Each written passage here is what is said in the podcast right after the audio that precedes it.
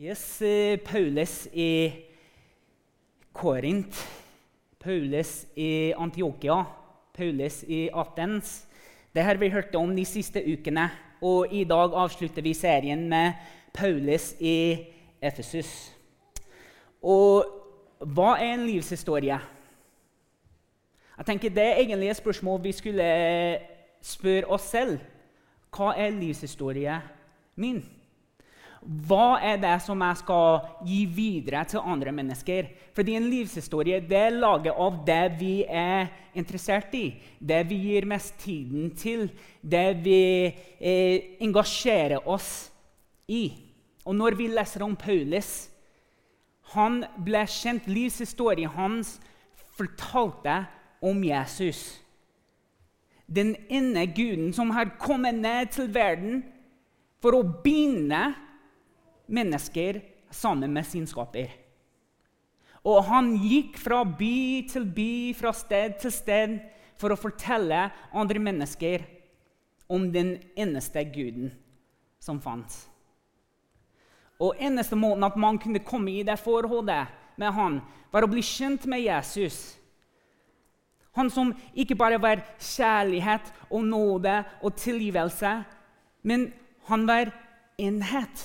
Han ville at alle fra verdens ende skulle komme sammen under en gud og bli kjent med hverandre i den relasjonen av Den hellige ånd, som gir oss kraften til å se forbi vanskelighetene, for å se forbi uenighet, for å se forbi kulturen og omstendigheter, og begynne å se den personen i Guds sitt bilde og gavene Den hellige ånd har utgitt til oss som mennesker. Og Livshistorien om Paulus er beskrevet av vekst og utvikling i Jesus. Og tenk på det, Han hadde innflytelse som eh, skriftslærer. Og eh, så mye makt at han kunne gå rundt og forfølge, eh, forfølge andre kristne. Han hadde den autoriteten. Men det var ikke før han ga sitt liv til Jesus, at han ble virkelig kjent. Og Derfor snakker vi om han fortsatt i dag. Fordi han engasjerte seg i Guds rike. Han overgitt hele livet til det forholdet med Jesus. Han snakker med noen av de flinkeste folk, noen av de som hadde mest makten i hele den verden. Og ikke bare snakke med dem, men overbeviste dem. Ikke bare med ord, men i gjerninger. Hvorfor det forholdet med Jesus var så viktig. Så Derfor blir det spørsmålet så viktig for oss. Hva er det livshistorien din forteller andre mennesker? Hvor er det du engasjerer deg? Jeg sier ikke at du må engasjere deg hver eneste søndag i Pinsekirken Heimdal. Men når du engasjerer deg på jobben, når du engasjerer deg på skolen, i livet til barna, til barnebarn, med venner Hva er det du forteller andre mennesker, ikke bare i ord, men også i gjerninger? Livshistorien vår blir såpass viktig at vi må begynne å vurdere hvor Jesus passer inn i det bildet, og hvordan vi formidler det bildet til andre mennesker.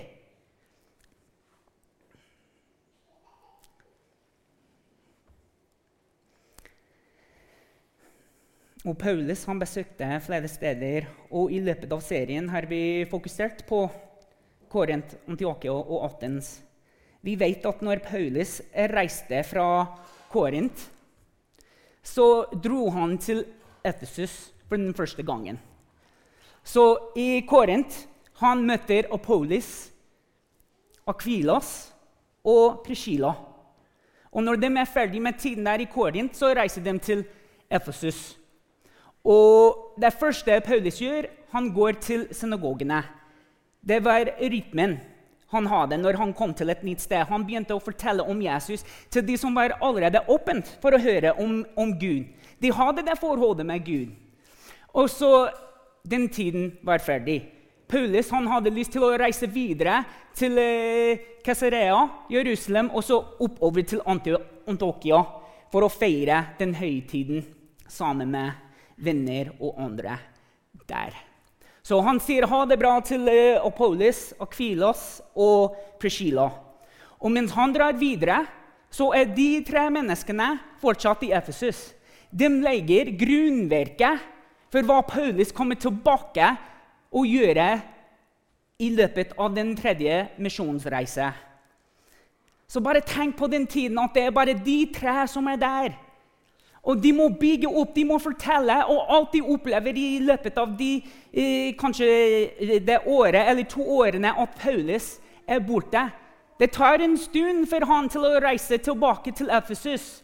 Men når han kommer tilbake, så møter han Apollos og Akvilas og Priscilla. Faktisk har Apollos dratt til Korint eh, i den tiden at eh,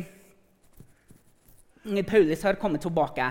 Men nå må jeg gå tilbake litt, fordi når Akvilas og eh, Priscilla er i Efesus, så møtte de eller en Korint møtte dem Apollos, og han, han vet litt om Gud. Han eh, har hørt hva eh, andre har sagt om Jesus og den tiden at de venter på. Men så kommer eh, Akvilas og Priscilla. Og de er veldig glad for å høre det her, fordi de hører at Apollos er åpent for Jesus. Og De drar hjem til Apollos og de begynner å fortelle ham om Jesus. Og at den Messias som de venter på, har faktisk kommet. Og han tar imot det. Han får Den hellige ånd, og de begynner å forsyne til alle som er der i Efesus. Og når er Paulus tilbake? Han kommer tilbake, og det første ting han gjør når han kommer til Efesus, er at han møter noen andre som har hørt om Messias, og de venter på Messias. Og Paulus kommer til byen, og han spør, spør dem har dere hørt om Den hellige ånd. Og De sier nei, det har vi ikke hørt om. Og så står det i Apostles gjerninger 19 at han begynner å fortelle dem og forsyne for dem om Jesus og Den hellige ånd. Og de tar imot Den hellige ånd. Og de begynner å profetere. De begynner å eh, snakke i tungetaller. Og så går Paulus videre. Det er andre ting som skjer i Apostlenes gjerninger 19, hvor vi leser om Paulus i Efesus. Og det er at folk begynner å bli helbredet bare ved å røre klærne til Paulus. Det høres veldig kjent ut, ikke sant? Og jeg tenker, det er akkurat det Jesus har bedt oss å gjøre. Han sier at vi som etterfølgere skal gjøre like mye og enda mer enn det han har gjort. Paulus han kommer rett til Efesus, han forsyner evangeliet. Folk blir fylt med Den hellige ånd, og byen begynner å bli endret. Han møter folk som trenger helbredelse, og hva er det han gjør? Han helbreder dem. Han begynner å forsyne enda mer i synagogene for jødene der. Fordi det er folk som tar imot Jesus. Det er folk som begynner å uh, følge etter veien. Det er det som Jesus var kalt i den tiden veien. Så han går til synagogene, og kanskje etter fire, fem, seks måneder begynner de som er der, å bli litt uh, lei av det som Paulus sier. Nå har alle de som tatt imot Jesus, tatt imot ham, og de andre de begynner å snakke nedsettende om Jesus og gjøre ting i løpet av Paulus sin forkynnelse som eh, fordømmer andre folk som følger Jesus. Og Paulus sier nok er nok. Nå skal vi skille oss fra dere her, og vi går videre til en venn jeg har som heter Tyrannus. Og her er dem i skolen som Tyrannus hadde der i Efesus. Han, han var troende. Eh, han var også en filosofer. Og han tatt imot Paulus, og det er trodde at i løpet av den tiden, fordi Paulus er her i to år og forsyner Jesus for mange ufrelste folk. Og I løpet av den tiden så er det trodd at mange gikk ut fra den skolen og begynte å evangelisere rundt omkring nær området og plante ulike menigheter.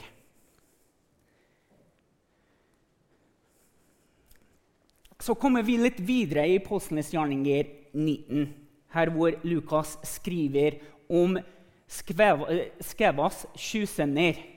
Her er det en høypris som heter Skeva. Og han har autoritet og makt der i Efesus. Og han har sju sønner som eh, praktiserer litt trolldom. Hvor de går rundt og de prøver å eh, fjerne onde ånder fra mennesker. Med hvilket som helst navn eh, de kan finne på å bruke. Og når de kommer til en mann som har en ond onde, de begynner å gjøre det som Paulus sier til andre mennesker. I Jesu navn så må den onde ånden komme seg ut. Altså, Da forsvinner ånden. Men når de prøver det, eh, så blir den onde mannen så sint og rasende at han kaster seg på dem.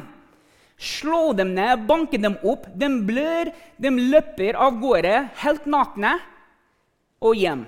Og de må fortelle hva skjedde. Og nå sprer Jesu navn over hele Asia og Efesus, står det i Apostlenes eh, gjerninger 19. Så Jesus får æren for det her. Ikke Paulus, men Jesus. Så kom vi videre til folk som eh, praktiserte svarte kunst. Og Paulus står midt iblant alle disse folkene og begynner å fortelle dem om Jesus. Og den kraften Den hellige ånd her, når den kommer over oss.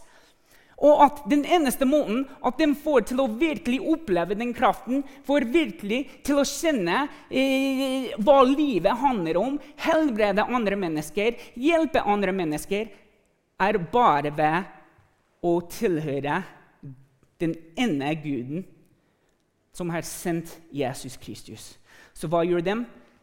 De kommer midt i byen, og de begynner å hive alle bøkene som har med eh, trolldom og svartekunst å gjøre. Brenner opp mange tusenvis kroner i det bålet der. Veldig gode ting som skjer i Efesus her. Veldig gode ting. Så går vi videre til eh, nesten slutten av Apostlenes eh, gjerninger 19, hvor vi leser om eh, Artemis og opprøret der. Og hvis dere ikke visste det, så her i Efesus var det et stort tempel hvor mange av de efeserene tilba Artemis her i det tempelet der. Og her har vi Paulus igjen, som forsyner for dem at dere trenger ikke å tilbe avguder som er laget med hånd og med kunst, men du trenger å tilhøre og tilbe den ene guden som har sendt Jesus. Her er liksom hovedbudskap av Paulus. Nåde, tilgivelse, barmhjertighet, alle disse tingene er en del av det. Men Paulus virkelig forsyner at det er bare én Gud som har sendt Jesus, som døde på korset, som var oppreist, og du blir fylt med Den hellige ånd når du tar imot ham. Og når han begynner å forsyne det her for de som tilber avguder, begynner folk som lager de ting for andre, fordi det var flere som hadde det i huset og tilba avgudene hjemme. Så når de ser at her er Paulus som eh, gjør noe med vår business, og vi taper penger, da må vi gjøre noe annet. Så de gjør et kjempeopprør i byen der. Så i nesten to, to timer har jeg lest eh, i en stor stadion hvor de bare roper høyt Stor er Artemeus, stor er Artemeus, i, mange, i to timer. Bare tenk på det! Og Paulus han bare gjør noe. Han vil gå dit og begynne å fortelle dem om Jesus. Men vi leser at noen av hans venner holdt han tilbake, og han fikk ikke dra dit. Så kommer vi til slutten av apostlenes gjerninger 19. Og Lukas han bare skriver der at Paulus eh, dro til Makedonia. Og i Apostlenes gjerninger 20 leser vi bare noen setninger at Paulus han har tenkt å reise videre til Spania, men ble utmuntret til å besøke Efesus. Men han vil ikke det. Så det han gjør, er at han kaller alle de lederne og vennene til seg selv og forteller dem at tiden her er ferdig. Jeg reiser videre. Og vi leser at de som sa ha det til han den dagen, ble så lei fordi de visste at det her var den siste gangen. At de kom til å møte Paulus. Så vi egentlig vet ikke så mye fra det Lukas skriver ut fra Apostlenes gjerninger 18, 19 og 20, det som skjer i Efesus. Men det vi kan være sikre på når vi leser videre fordi Paulus, når han var i Efesus, skrev han galaterne, første Korintbrev, efeserne, og noen tror det var også et brev til Filemon. som han skrev der. Så da må vi begynne å lese videre i 2. Korinter, kapittel 1, vers 8 og 9. Og det her er faktisk en bok han skrev når han var i Makedonia. Men her er hvor han begynner å fortelle de i Korint hvordan de hadde det. Vi vil at dere skal vite, søsken, om den nød vi led i Asia. Det var mye mer enn vi kunne bære. Vi så ingen utvei til å berge livet, men regnet oss alt som dødsdømte. Når Paulus skriver dette, så er sjansen stor for at han sitter i fengsel. Når de tenker på alle de andre byene Paulus selv har valgt. Det var uh, mønsteret der. Han forsynte Jesus. Han gjorde noe som folk ikke likte. Så fanget de ham, så satt han i fengsel. Så ble han straffa. Så slipper han fri. Så begynte han å gjøre det i en annen by. Til og med folk ville drepe han. Vi så ingen utvei til å berge livet men regna oss alt som dødsdømte. Han var veldig usikker på livets fremtiden. Han gjør sitt beste å håndtere, løse og gi råd til menigheten i kåren som opplever både moralske og sosiale komplikasjoner og utfordringer. Tenk på det her. Tenk på livet Paulus lever. Han skriver liksom flere bøker mens han er i Ephesus. Han liksom fritter for sitt liv. Han er teltmaker. Han må ta vare på de andre kristne som har allerede kommet til å tro. Han må bygge opp de nye kristne som kommer til å tro. Så å si det sånn, han har det ganske travelt. Hva er det livshistorien om Paulus forteller oss i dag? At han var veldig forpliktet til det kallet han hadde på sitt liv. Hva er det livshistorien forteller andre om ditt liv? Paulus kjemper den åndelige kampen. Han er deprimert og i tvil. Hvis vi skulle ha hørt akkurat det her fra noen i, i dag, så skulle vi ha tenkt nei, det er noen som må snakke med den personen fordi de har det ganske forferdelig. Og hva, hva er det Paulus tenker? Hvem er det Paulus kan snakke med? Han er liksom den høyeste iblant alle sine venner og disipler og postlene. Alle ser til Paulus. Hvem er det Paulus skal se til?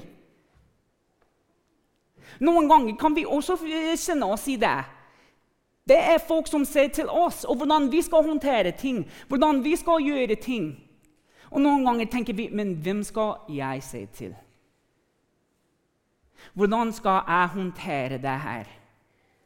Det er noen ganger følelser, holdninger, tanker om hvem vi er til Gud. Og alle kan være i tvil om det vi holder på med, og om det er verdt det. Det er jobb, det er familien, det er ting i kirka. Det er kirka i seg selv. Skolen. Hva er det jeg holder på med, og er det verdt det?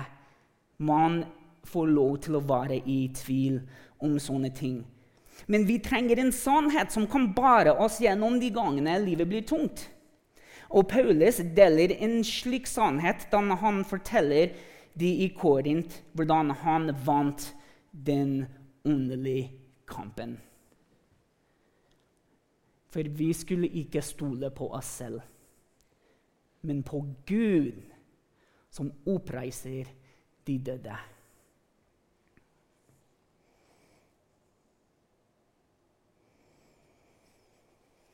Jeg tror det er mange folk Ikke bare her i kirkesalen. Eh, trenger ikke sannsynligvis eh, heller ikke å være kristne mennesker eh, som kan relatere til det Paulus beskriver her. Hvem av oss har ikke tenkt nok? Nok er nok. Det har vært altfor mye. Jeg vet ikke hvordan jeg skal gjøre det her. Det er ingen vei ut. Situasjonen, livet ser håpløst ut. Vi trenger en sannhet som vi kan se mot, som vi kan fokusere på, og det er der. Vi skulle ikke stole på oss selv. Men vi skal heller stole på Gud, som oppreiser de døde. Fordi Paulus skriver vi er alltid presset. Hver eneste av oss som sitter her i dag, vi kjenner press i livet vårt. Jeg kommer fra ulike kanter, men vi har press. Men hva står det rett etter? Hva er håpet Paulus her? Men ikke knekket. Vi er alltid presset, men ikke knekket. Vi er rådvile, men ikke rådløse. Forfulgt, men ikke forlatt. Slått ned, men ikke slått i hjel. Vi blir presset, rådvill, forfulgt, slått ned. Paulus selv opplevde det, og den eneste som balte han og bare oss gjennom slike livssituasjoner, er sannheten at når vi stoler på en Gud som oppreiser de døde, da kan ingen press knekke oss. Når den sannheten ligger rett foran oss, ingen situasjon Ingen motstand, ingen forfølgelse. Ingen kan knekke din ånd, din vilje, din motivasjon. Kanskje frimodigheten blir litt mindre. Kanskje motivasjonen endrer seg litt. Men Gud oppreiser hver eneste situasjon som ser håpløs ut til noe som kan være et nytt liv. En ny sjanse, nye muligheter. I alle byene Paulus har vært i alle situasjonene han har opplevd og overlevd. I alle samtalene han har hatt om tro og måtte forsvare troen. Så har budskap alltid vært det samme. Jesus har fått makten over verden. Jesus har fått seieren over døden. Det er den ene Gud som har gitt Jesus den seieren og den makten. Og hvilken som helst menneske som har fått kraft, har fått det ved Jesu arbeid på korset, oppstandelsen, og utgitt av Den hellige ånd. Om vi vil tro på Han og i Den hellige ånd, kan et menneske sitt liv bli helt forvandlet. Det er det vi leser om i Korint. Vi leser at ikke bare noe få ble forvandlet, men en hel by i Antiokia, i Atent, i Efesus, i Galatia Jerusalem, Heimdal, Trondheim. Når ordet om Jesus blir forsynt, når folk åpner hjertet der hvor vi får oppleve en vekkelse Den steinen som Gud sier var vårt hjerte, blir fjernet, og vi blir gitt et nytt hjerte, en ny ånd som åpner øynene for å se at Guds rike er her. Det er ikke noe som vi må be hit, det er ikke noe som vi venter på, men i Jesus har det kommet. Det har alltid vært i Paulus sitt budskap til alle. Det livet Paulus levde, er det samme livet vi Guds menighet er kalt til. Ikke bare noen få, ikke bare frivillige, ikke bare folk som blir betalt, men alle oss som tror på Jesus, er kalt til å leve det samme livet som Paulus levde.